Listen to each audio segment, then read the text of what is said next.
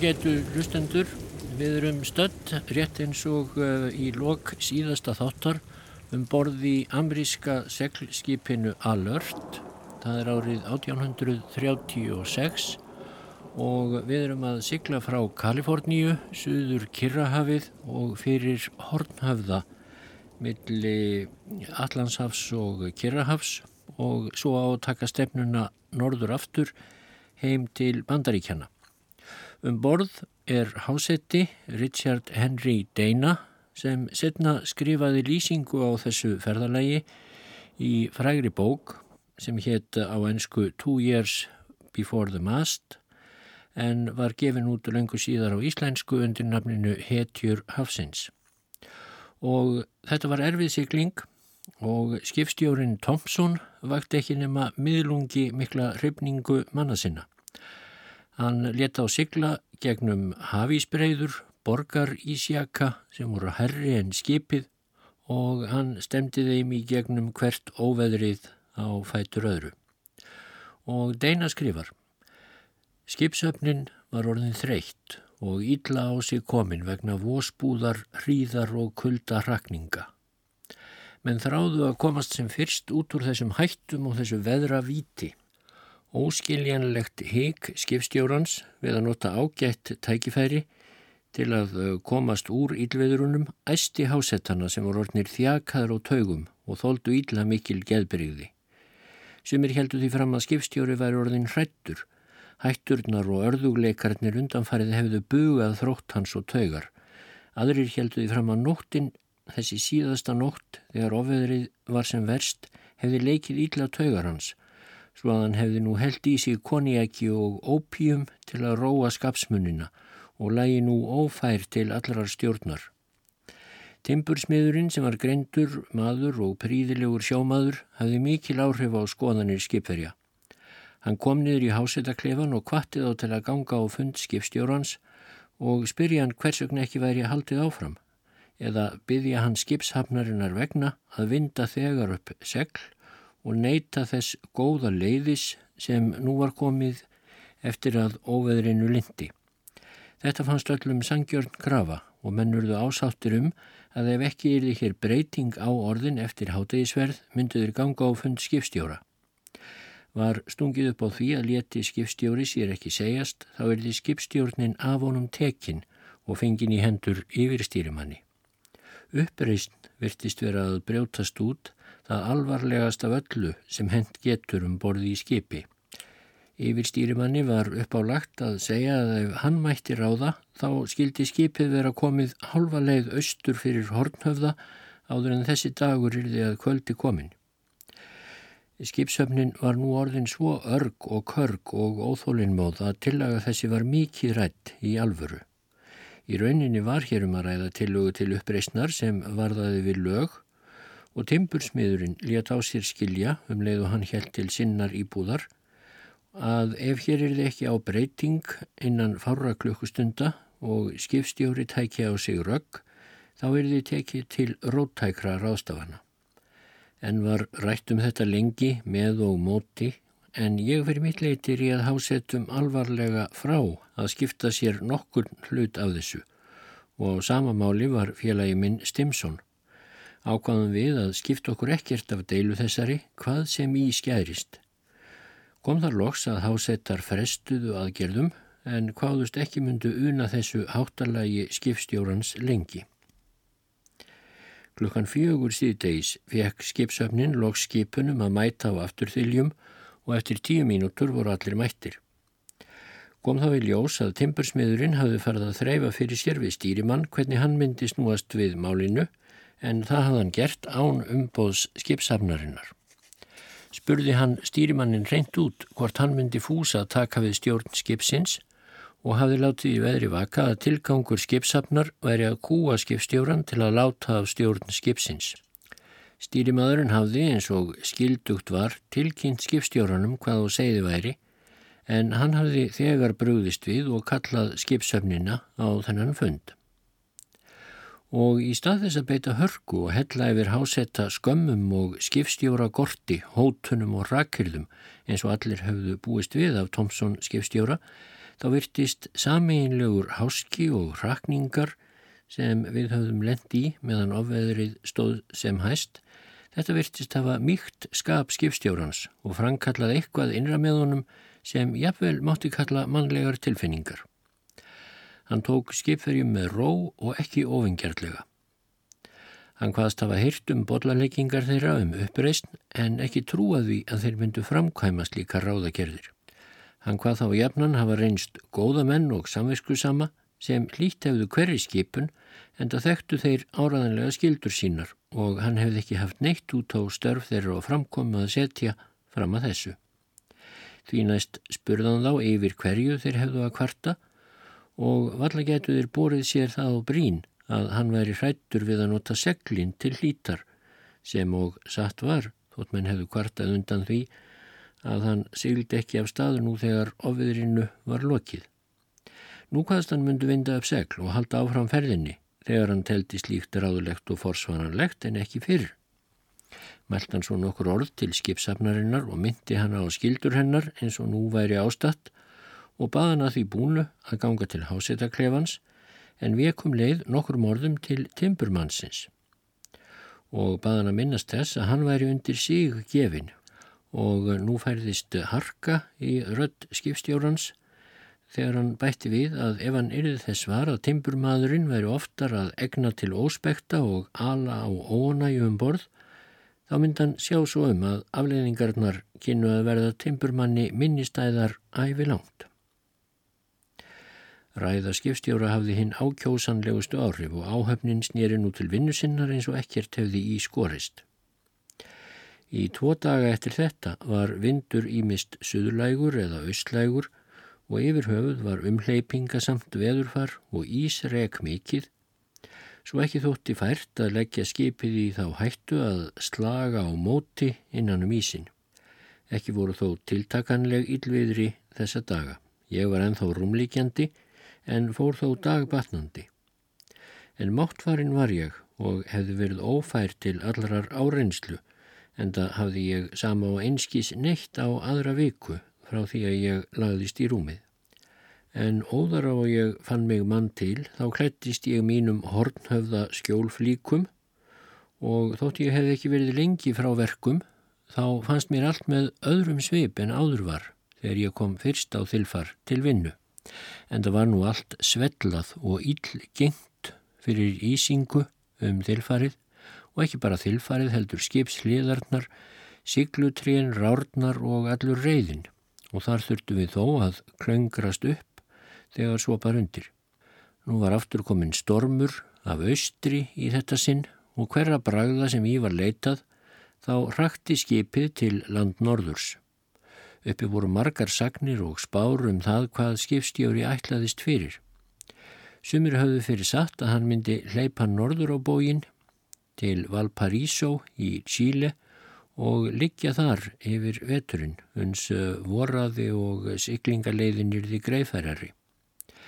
Aðrir heldu hins vegar fram að hann myndi brjótast vestur úr Ísnum og leggja leið sína vestur um Kirrahaf og Góðrarvonarhauða og svo vestur um Allandshaf heim til Boston. En brátt kom þá daginn að stefna hafi verið tekin á Magellansund siðst við Hornhöfða, siðsta 8 Suður Ameríku. Þessi fregn flög frá manni til manns og var þá eigi um annað talað meðal skipsafnarinnar. Sunnudaginn 10. júli skein sólinn skert á heiðum himni og hverki sá nú ís allt í einu. Við fórum að breyða votar flíkur okkar til þerris og með leifi eldamannsins fylltist eldaskílið af sokkaplökkum, belgvettlingum og öðrum smáflíkum sem þar var komið fyrir til þurkunar.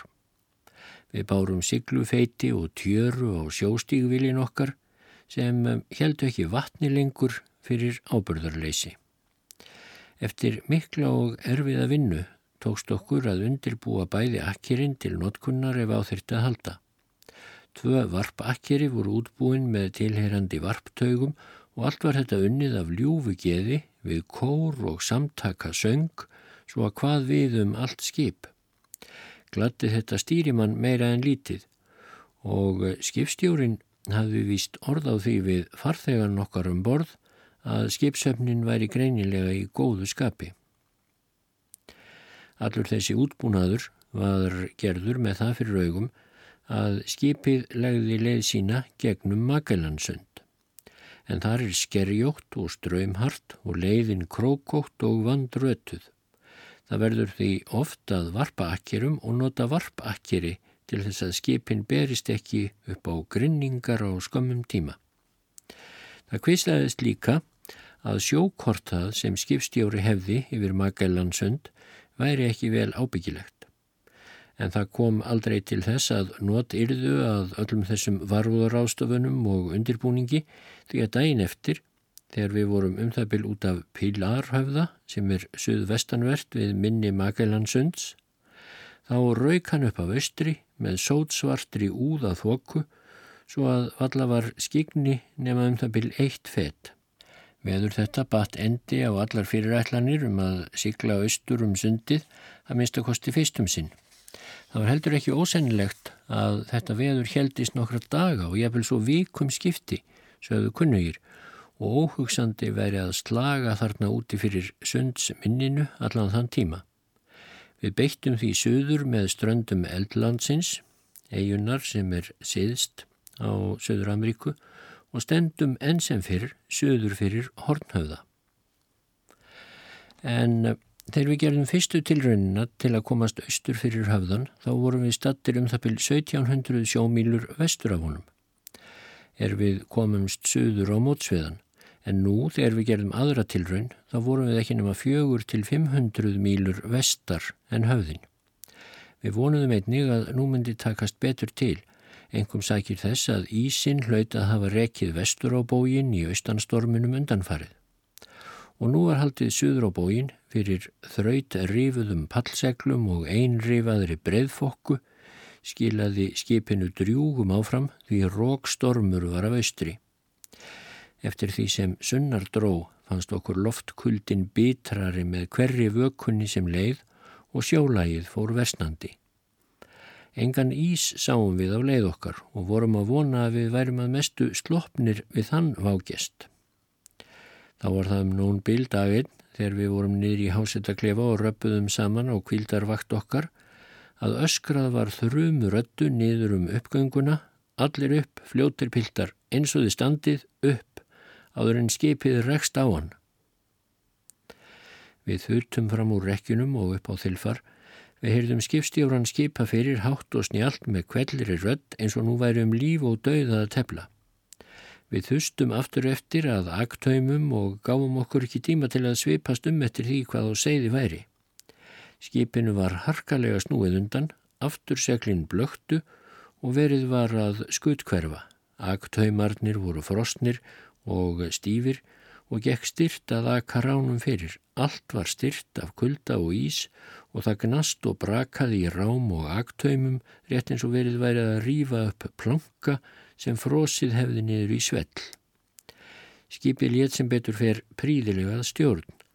Rám var stilt fyrir vind og skipið tók skriðin til gagnstæðrar stefnu. Þá sáum við djarfa fyrir gegnum þokuna heljar miklum borgarísjaka skamt aftan við bakborðslýður, gnæfði þetta jakatröll hátt yfir sigluhúna skipsins. En afturundan á bæði borð grildi í stórar ísspangir sem hófust og hnigu og byltust í öldurótinu. Við vorum nú hólpnir í bráð og stemdum norður á bógin undan ísnum en þarna hafði ströng aðgæsla varðbergsmanna og viðbraðs flýtir stjórnenda og áhafnar bjargað skipinu og mátti vissulega segja að það hafi munað tæplega hárs breytt.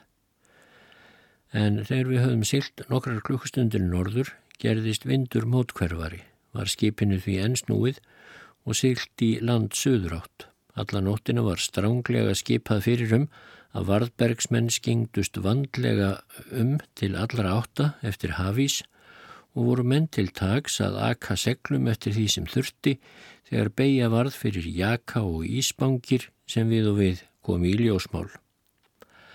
Á næturvöku okkar frá 12 til 4 fengum við mótbyr sem brátt varðað farviðri, einu farviðrinu enn og fylgdi því rigning og slitta. Á morgunvökunni slétt lingdi svo og gerði hellirigningu sem helst til dagrenningar. Þá snerist vindur til vesturs og gerði nú gott skigni. Kom þá í ljós að leiðsú sem við höfðum ætlað að fara og hefðum farið ef ekki hefði lingt, hún var alls ófær, sækir Ísregs. Við snerum því enn við og heldum til land norðurs. Skipstjóri var nú fast ákveðin í að halda austur um höfðan enda þótt að kynna verða torsótt. Hvaðan menn verða að vera þólinnmóða því þriðja tilraunin hefnaðist æfinlega til að komast fyrir höfðan. Við komum brátt norður fyrir ísinn nema hvað stöku jakar voru á sveimi, hafði nú byrtu upp og gert glada solskinn. Stormur var á af landsuðri og öldurnar földuðu kvítu á dökkbláum haflettinum. Þegar við höfðum allengi stemt til landnorðurs breyttum við stefnu og heldum því nær beint í austur. Sildum við þannig í um það byrj 200 sjómílur. Uns komið var svo nærri vesturströnd eldlandsins sem fært þótti.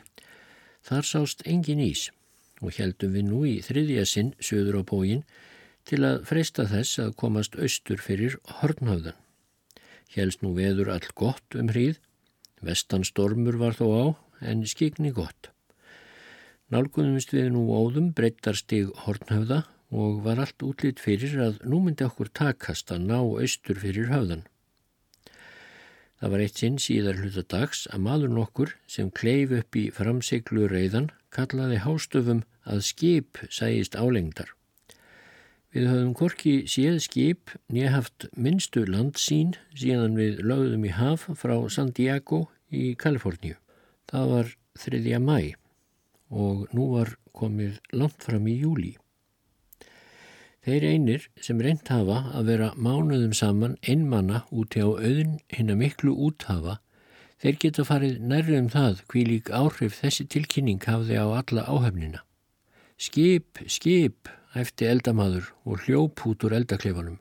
Skip, skip, kallaði annar til þeirra sem átti kvildarvöku niður í hásettakleifanum og svifti uppgangu hurðinni upp. Þeir sem niðri voru spruttu þegar á fætur eða hendust út úr rekkjunum og þustu upp á þilfar. Það er skip í auksín, kallaði skipstjórin niður um káutu dyrnar til farþegans eina. Menn fóru að geta sér þess til hvaða skip þetta væri og var uppi fótur og fit á öllu skipinu því það var engin hverstags við burður að mæta skipi á þessum slóðum og fá kannski að tala við aðra menn langt að komna. Auk þess væri nú hægt að fá að veita vissu okkar um það hvort Ísrek væri austurundan og svo að fá nákvæmlega úr því skorið á hvaða lengdarstíi við værum einlega stattir. Skipið hafði ekkert sæ úr og hafði um langa hríð rekið sitt á hvað, svo raunverulega vissum við ekki um stöðu skipsins með neittni vissu en það sjaldan tækifæri til að gera tunglmiðanir á þessum slóðum eins og veðrið var. Eftir stundarkorn kallaði maðurinn úr reyðanum sé eitt skip til framundan til kuls. Þetta þótti mörgum undarlegt, en þetta var ágætt og sannferðir vorum við um það að hér væru skip á ferð. Eftir allanga stund kallaði reyðamadur hins vegur og hvaðs nú halda þegar betur væri aðgáð að hér væri land fyrir stafni. Þú útvarn að sjá offsjónir maður, kallaði stýrimadurinn. Hann var fann að aðtöða þetta fyrirbríði í langa sjónaukanum sínum.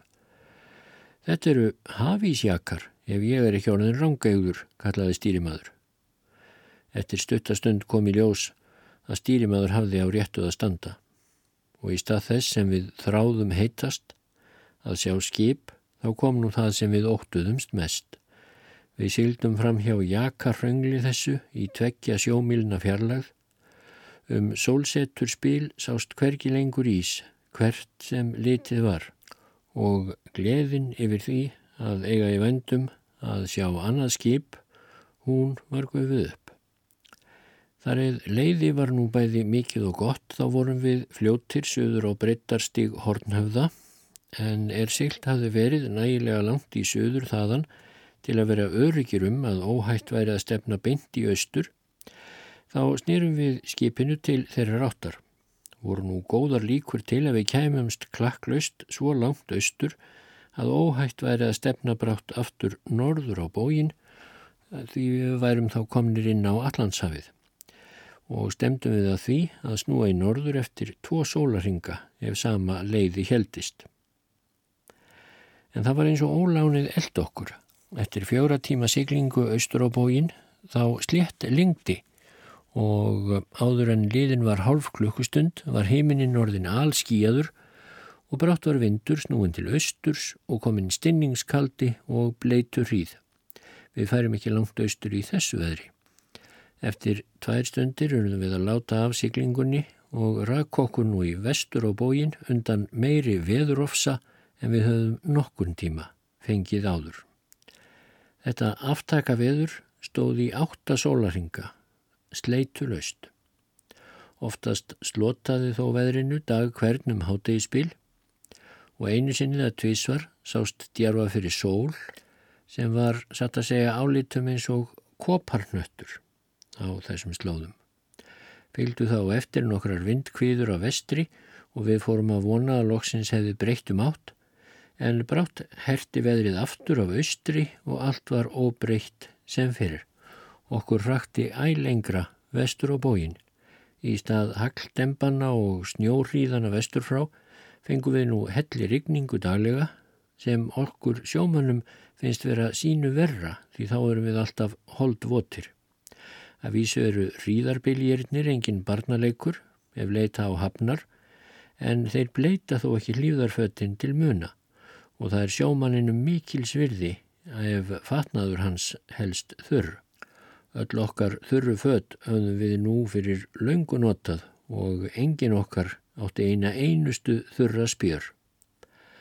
Hásettar hafa engin ráð til að þurka fött sín nema í sólskinni og þægu leiði en nú var það eitt til ráða að reyna að klæðast þeim görmum sem minnst voru blöytir. Við höfðum þann síð þegar við komum undir þiljur af starfsvökkum að fara úr föttunum og vinda þau hjálpuðus nú tveir að við að vinda treyjur og buksur, sokkar og sjóvettlingar voru einnig undnir og hengt svo á nagla eða smá stög niður í hásettaklifanum ef skekinni að eitthvað næði að síga úr því. Að því búinu völdum við það úr sem minnst var blöytt, lögðum það til reyðu við rekkjur okkar, svo föttin eruðu tiltæki ef skjótt þyrti að bregðast við. Að því búinu sveipuðum við að okkur rúm á breyðunum og lögðumst til svefns, þanga til kallið kæmi og eftirði niður um uppgönguna, stjórnborðs, vaka og þilfar, átta vökuslög, heyriði kallið. Og dræmt kom svar okkar, já, já, neðan úr hásettakleifanum. Ég ásætti mér að eigða tómstundum mínum á kerfisbundin hátt. Hafði ég gott af þessum tilraunum því þær stýttu mér oft stundirnar þegar mér leittist sem óneitanlega kom oft fyrir í svo tilbreytingar snöður í siglingu. Er ég kom upp á þiljur og hóf venjulega vökugöngu, fór ég að hafa yfir í huganum ímiskonar minnisatriði á reglubundin hátt. Meðal þeirra var markföldunartablan, töblur yfir mál og vóg, töluorðin á máli kanaka, nöfn sambandsríkja bandaríkjana og höfuðborga þeirra. Ég fór yfir greifadæmi Englands og höfuðborg hvers greifadæmis um sig. Ég þöldi konunga Englands í réttri tímaröð og margt, margt fleira. Með því að endur taka þetta með gát og aðtugun á hæfilegum fresti, þá tókst mér að stitta mér langa og marga stund. Þá fór ég að rifi upp bóðorðin tíu 30. og 9. kapitula Jópsbókar og ymsa fleiri rytningarstaði. Næsta viðfangsefni mitt, sem ég sjaldan breyti til um, var svo skiprótið eftir Káper. Þetta var einn þeirra bóka sem ég unni mest, hátíðilegur bragarháturinn, þungbúin blær kvæðisins sem og atburðurinnir sem urðu tilefni kvæðisins Þetta átti allt saman ágæðlega við innmannaleg hughrif mín þegar ég gekk einn míns lið sem tilfarið á starfsvökuminni úti á reygin hafi. Samamáli gengdi þegar ég fór að hafi yfir hendingar hans til Maríu, ræðu kápers yfir minni krákubróður og stutt ágrip af borðræðum hans. Ég kunni talsvert utanbókar af kvæðum kápers því einhvern veginn hafði eitt bindið af kvæðum hans flækst með í fattakistu minni. Stundum þuldi ég svo án afláts Ílene Fastó eftir rómverska skáldið Hóras eða Olvakongin eftir Göti. Þegar ég var búin að þylja þetta allt saman mér til óbóta, fór ég að rifja upp hitt og annað sem ég kunni bæði í bundnumáli og óbundnu.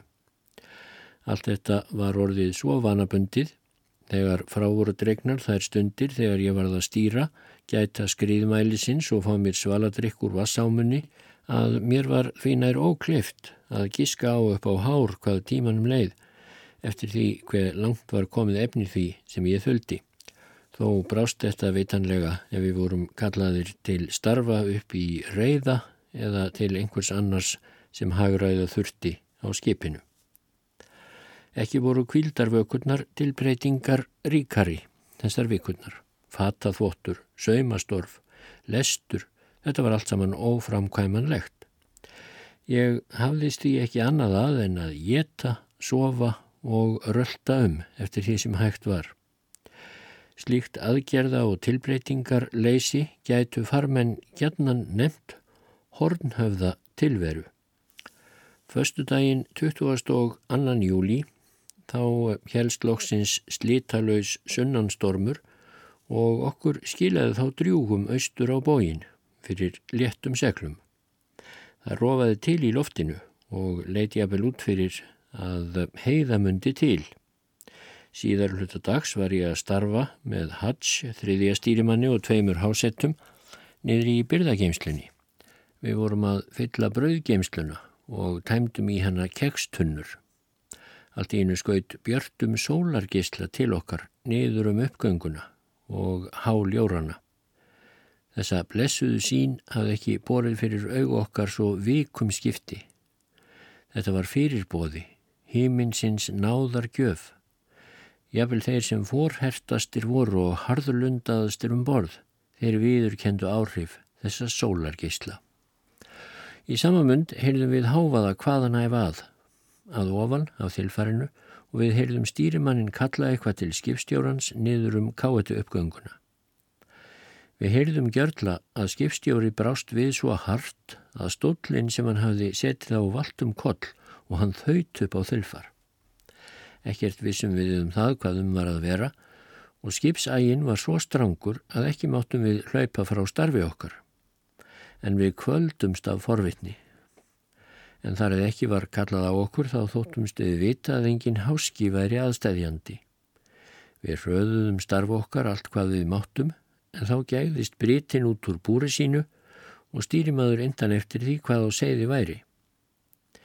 Við erum komnir í landsín, svaraðan. Heyrðuðu ekki þegar stýrimaður kallaði niður til skipstjórans, land fyrir stafni. Skipstjórin segir það vera hortnöfða. Nú létum við hendur standa fram úr ermum fyrir alvöru og lökum skjótt starfi okkar. Við þustum upp á þilfar og þarna sást land stutt framöndan bakborðsmegin. Land það sem sást var Staten eiga, rétt austan við hortnöfða ömurlegra og eigðilegra land hafði ég satt að segja aldrei augum litið og slíka emdar auðin vildi ég að aldrei bæri fyrir augum mín aftur. Þarna var ekkert að sjá nema mishæðóta, giljóta, klettaauðin, umgirta skerjagarði og hafís. Á einstaka stað grildi í lávaksna kjarrunna, milli hæðanna og klettana. Þetta var sannarlega tilvalinn staður til að mæta bylgjugnauði á mótum tvekja úthafa, óra langt frá öllum áhrifum menningarinnar, þar sem ámæða bylgjuköst allra átta og eilífs vetrar. En enda þótt land þetta væri ömurlega óvislegt, þá var það þó fyrsta landið sem við höfðum augum litið síðan ferðin hófst fyrir næri þremur mánuðum og dýrlegt tákn þess að nú voru við sloppnir austur fyrir hornhauða við vorum komnir út á Allandsaf. Og nú vissum við líka að ef þetta leiði heldist í þó ekki væri nema sólaring, þá myndi það duga til að við gætum loksins snúið skut við söður Íshafinu og nú þurftum við heldur ekki lengur að spyrja eða vera í vafa um hvar við værum stattir. Það var því almennur fögnudur á skipinu yfir því að hafa náð þessum langþráða áfanga og Nöttal háskólakennari, farþegin okkar, leti ljós að hann langaði mjög til að ganga á eiguna og litast þar um, því þangað hefði líkindum engin mannleg vera stíið fæti, nokkru sinni. En skipstjóri leti ljós að eiga þessi mætti fara norður og niður fyrir sér og korki hennar vegna nýja hans yrði skipið tafið andartak stund hvað þá meira. Smátt og smátt kvarf eigan úr auksín og um sólseturbíl blasti allansafið við okkur og umkringd okkur á alla vegu. Þegar sílt er austur um Hortnöða, þá er venjulega leiðin norður allansafið fyrir austan Falklandsegar. En að því að nú var runnin á blásandi útsinningsbyr sem allar líkur bentur til að haldast myndi lengur ennum sinn, þá ákvað skipstjóri nú að halda skildi norður vestan við Falklandsegar. Það var stýttri leið og allir vildu sleppa sem fyrst og greiðast af ílviðra svæðinu við hornhauða. Þegar skipt var um mann við stýrið var nýja manninum tilkynnt að nú skildi stýrt í hánhorður. Voru þínast allir hásettar kallaðar á þiljur til að aka seglum eftir stefnunni og fjölga þeim.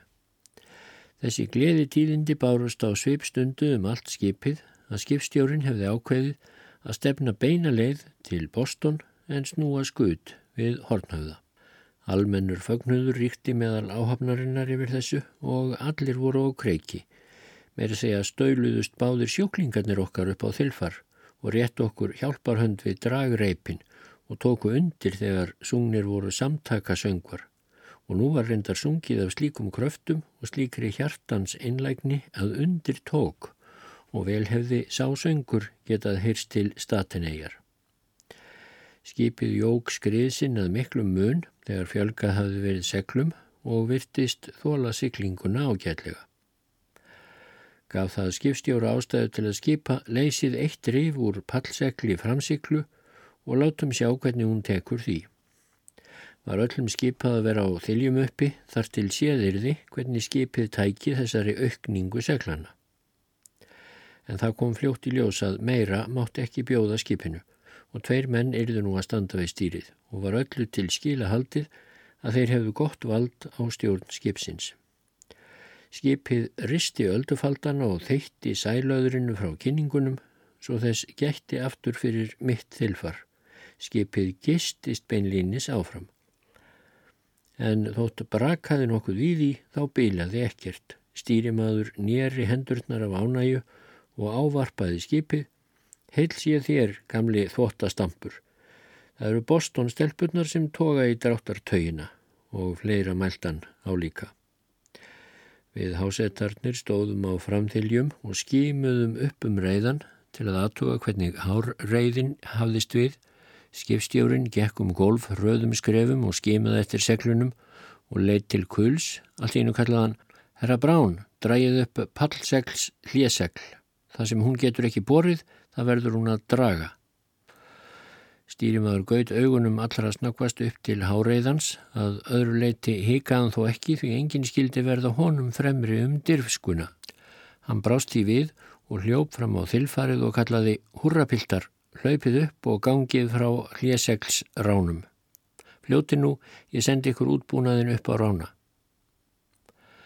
Þessa nótt var heiðskýrt og stjörnubjart en kallt í veðri og beljandi stormur. Við höfum fengið nýtt hljesegl með einu rifi en slíkt vissum en eigi til að týðkast hefði fyrr. Höfðu hásettarnir spottast mjög að þessum útbúnaði á hljeseglinu og komist svo að orði að þegar þurft að fara að rifa hljeseglin þá væri meir en mál að taka þau saman. En við unnum á kappi og vilja. Það sást á sveip sömra að þeir heldu að kallin væri ekki með öllum mjalla en enginn spurða því einu orði og enginn hreyfiði uppreist gegn honum í þetta sinn. Við býðum færist til að draga upp seglinn og þegar ráaraukinn var dregin fram á ránni og stormurinn fyllt í hljeseglið Þá ætlaði allt um kollaði keira. Skipið nötraði og skalf stapna á milli og ráaukinn sem held upp í hléseglinu svignaði í keng eins og reyrprygg. Við störðum allir upp í reyðan og byggumst við á hverri stundu myndi eitthvað hrökkva í sundur. En það var það ekki. Ráauki þessi var gerður úr þessum lágvöksnu seigu háfjalla grenitrjám sem virðast aldrei geta brotnað, sama hvað gengur á. En það sveigðist hann með sömu mýkt og kvalskýðs teinungur. Timbursmiðurinn sagði líka að þetta væri svo segast að spýta sem hann hefði nokkur tíma augum litið. Hvert tré í skipinu virtist þanir til hins ítrasta og hver saumur og hver þráður í seglunum. Nú ætti skipið áfram eins og trillt væri af því að seglið var svo framarlega þá var eins og það lifti skipinu upp úr sjónum og það var engu líkara en það stiklaði öldurríkina. Slíka ofraun hafði enginn fyrr bóðið þessu góða skipi og eftir á að higgja hefði þetta getað endað ílla. En þó líf allra hefði leið við þá gætt skipið ekki borið einni tusku meira. En þegar sínt þótti að skipið þyldi þessa miklu siglingu að öllu óbreyttu þá voru þeir sem áttu kvildarvöku látnir ganga til rekju en okkar vökulið varð eftir upp á þyljum. Tveir menn við stýrið áttu fullt í fangi með að halda skipinu í réttri stefnu, svo mikið gekk á, því skipið hljóp út undan sér sitt á hvað eins og líkt tamið stóðtrippi. Stýrimaður skálmaði fram og aftur um miðþilfarið, leiti ímis til reyðans og seglana eða út fyrir borstokkin til að virða fyrir sér kvít fissandi sælöðrið undan kinnungum skipsins sem tættust sundur undan storminum. Hann skellti á lær sér og kallaði og beindi orðum sínum til skipsins. Húra fyrir þér, flennan þín, þú rennur á þefin, þú veist hvert stefna ber. Hún var afar skemmt þegar skipið skuttlaðist áfram á brotnandi ölduföldunum, nötraði beinlínis stafna á milli og hrykti og gnasti rám og siklufiðum. Þá kallaði hann Lítið á hvað hún getur, lítið á hvað indislega hún stiklar sjóana. Hún bílar ekki meðan brakar í henni. Við stóðum við dragreipin tilbúinir til að bregðast við ef eitthvað leti undan til að gefa eftir og herða á skautum og bjarga því sem bjargaðirði ef segli eða reyði bílaði. Þegar slegin höfðu verið fjögur vökuslög mældum við skriðin og reyndist hann vera 11 mílur en hefðu sjóarnir sem voru á eftir ekki borið með sér skriðmæli spjaldið og skipið ekki geigaði jafn mikið og það gerði, þá hefði skriður þess líklega reynst enn meiri. Við stóðum saman við stýrið okkar tvær stundir, ég og ungur hásetti frá Kennebeck, Jack Stewart að nafni, en hann var ágætlega lægin við að stýra. En stjórnskipsins heitað okkur í hamsi, eftir stundarkorn sviftum við okkur úr skjóltreyjunum þegar við sáum okkur færi og stóðum snögglættir við stýrishjólið þar sem eftir var af okkar stýrishöku. Þó var kallt í veðri en við svitnuðum mjög, slík voru átökin við að halda skipinu á réttri stefnu. Örðum við fegnir þegar aðrir tóku við stýristjórninni, heipjúðum okkur niður í rekju og sopnum fljótt. En ekki var þó svefnin vær þar sem sveljandin við boga og súðir skipsins leti í eirum eins og samfeldur þrumugnýr og bættust þar við ágjafa skellirnir þegar sjór þeittist í fossum yfir stapðiljurnar. Og þannig sildum við áfram í nokkra daga, sildum eins og djöfullin væri á hælum okkar og miðaði vel. Á hádegi sunnudaginn 30. og 1. júli var ljóst að okkur hafi miðað afar vel áfram. Við höfum silt 2000 sjómílur á nýju sólaringum ef tekið er tillit til stefnubreitinga. 1000 sjómílur á fjórum og hálfum sólaring. Guðuskipin hefðu valla getað gert betur. Það mátti á öllu sjá um borð eftir klukkan 8 þennan morgun að nú var runnin upp fyrsti góðviðri sunnudagurinn í langa hríð. En svo venja var til í hafi var sunnudagurinn kvildardagur að öðru leit en því ef seglum þurfti að hagræða. Gengu nú allir hásettar að því að þrýfa klefa sína í fyrsta sinn í langan tíma Óreitn og votur fatnaður sem sapnast hafið saman síðastliðin mánuð var nú borin upp á þilfar. Farkisturnar voru færðar úr stað, strásópar, þveiklar, þvottaburstar, vassfötur og sköfur. Allt var þetta óspart notað og unnið af kappi. Lindum við ekki látum fyrir en gólfið var orðið krít kvít og allt hreinsað og fágað í hverjum krók og kima. Var því næst öllum hlutum komið í samt lag og snirtilega frá allir gengið. Rúmfatnaður og dínur allar voru borðnar upp á þilfar, viðrað og þurkað eftir því sem hægt var.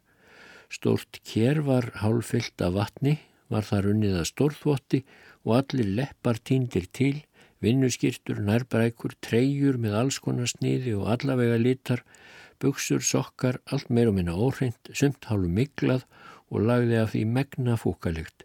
Því þetta hafið þvælst og leigið hálf blöytt í dimmum skotum þar sem minnst bara á því. Allt var þetta nú burstað og nuggað, þvegið og reynskólað með því að binda það á taug og láta það dragast á eftir skipinu svo sem halva klukkustund. Að því búnu var allt þetta breytt til þerris upp um reyðan. Rök, leðurstífil og skór var breytt til þerris í solskininu og framþeiljurnar voru líkastar bakgarði húsettir stórþvottadag.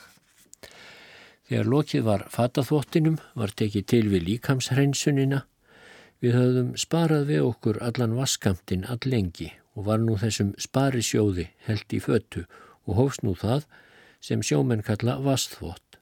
Það vísu varð sama vatnið að döga öllum um borð en það kom síður á sög vegna þess að vatnið og sápan var einungis notað til að leysa upp óhreinindin sem sapnast höfðu á skrokkana í þær fimm vikur sem við vorum að böðlast fyrir hornhauða en svo var held yfir hvernum sig sjó eftir þörfum til að skóla burt óhreinindin þegar sápan og vatnið höfðu leist þau upp. Við þvoðum hver annan og nérum með sápu og segldúks pjöllum og þurkuðum og júsum svo hver yfir annan sjó fram í stafni. Þessu næst rökuðum við okkur og kemdum og burstuðum hárokkar og klættumst hreinum fötum. Þessu hreinlæti starfi lauk ekki fyrir en komið var fram yfir hátegi. Síðar hluta dags sátum við svo fram á framþiljum og undi þar hver við sitt. Sumir lásu, aðrir gerðu að fatnaði eða rættust við. Himinin var heiður og blár, hlýjindi í lofti og blásandi byr inn fyrir bakborðs slíður. Öllum hljeseglum var tjaldað hátt og látt og smáseglum öllum. Við fundum allir að nú færi í hönd góðviðrakabli sem er indi og eftirlæti langferða sjómannsins og þessar stundir gera æfi hans eftirsóknar verða, þrátt fyrir allt erfiðið. Fyrir sólsettur tókum við saman allan þvottin, hreinan og þurran, hver tók sínar flíkur, brautar saman og gekk frá þeim í fatakistu sinni, sjóhatta okkar, vassleður stígvel, skjóltreyjur og þykkar prjónapeisur og allt sem tilherir ílviðrunum lögðum við til hliðar í hinsta sinn í þessari siglingu að því er við vonuðum því við byggumst við að komast heim snemma að hausti til. Þó áttum við líklega í bestafalli mánadar siglingu eftir. Þrátt verið alltaf hrós sem tilfært hefur verið og sagt um fegur skips sem siglir fyrir fullum seglum, þá eru þeir næsta fáir sem í raun og veru hafa séð þá sjón. Skip sem siglir úr höfnundur venjulegum seglum og ef til vil með tvöða þrjú hljeseglu uppi er venjulega talið að sigli með fullum seglum, en sannleikurinn er sá að skip hafa aldrei uppi öll segl nema byr sé nægur og ekki breytilegur og að hann sé því sem næst en þó ekki endilega algjörlega beint á eftir. Aðalatrið er að hægt ég að reyða sig á að leiðið breytist ekki til annar ráttar, nýjað styrkleika og þannig geti skipið sylt áfram fyrir öllum seglum um allangan tíma. En hitt er satt að fegur í sjón er vart hægt að hugsa sér en skip sem tjaldar sannarlega öllum seglum, smáum, jæmt og stórum og hljeseglum á bæði efriborð efst sem neðst. Það er áraðanlega dýrlegasta hreyfanlega fyrirbreyðið sem til er í þessum heimi en því líka sjón hafa einungis fáir séð. Jafnvel ekki þeir sem lengi hafa verið í förum á sjónum, Því frá þilfari eigin skips getur enginn séð seglapríðu þess eins og hún er í raun og veru. Það var nótt eina er við vorum stattir í hitabeltinu að ég og annar hásetti vorum sendir fremst fram á eh, brandauka einhverja erinda. Þegar við höfum lokið því starfi sem okkur var falið, lagðist ég fram á brandaukan tímakorn og dáði og undraðist á dýrðar sín sem fyrir augun bar þegar ég virti fyrir mér segla skrúð skipsins. Þar eða ég var stattur nægilega langt frá þilfarinu, gæti ég virt fyrir mér skipið eins og ég sæði það úr nokkura milna fjarlagð. Þarna hóf sig heiminn gnæfur píramíti fann kvítra segla borin uppi af litlum svörtum skipskroknum. Hafið var því nær öldu laust og kyrt eins og stöðuvatn og kaldi staðvindanna, ljúfur og mildur, fylti seglinn hóglega og var því nær bent á eftir. Dimblár hitabeltishiminin, stjörnum skráður, kveldist yfir endalöysum útsænum, ekkert hljóð, rauf nætur kyrðina, nema ofurveik gjálp við stefni og kynunga. Seglinn breyttust út fyrir aftan okkur, Neðstu hljeseglinn náðu langt út fyrir skipskrokkin báðu megin og ég var svo hugfanginn af þessari förðulegu töfra sín að ég glimti stað og stund og glimti því meðal annars algjörlega að þarna væri annar maður með mér. Ég rangaði fyrst við mér þegar ég heyrði hann mæla af hljóði nokkru við sjálfan sig en hvað þau vinna verk sitt hljóðlátlega seglinn. Og hann helt ennum stund áfram að virða fyrir sér þessi marmara segl og þó var þetta hrjúfur og þústinn gamal herskipahásetti en jável hann upplifði helgi þessara stundar á sjónum.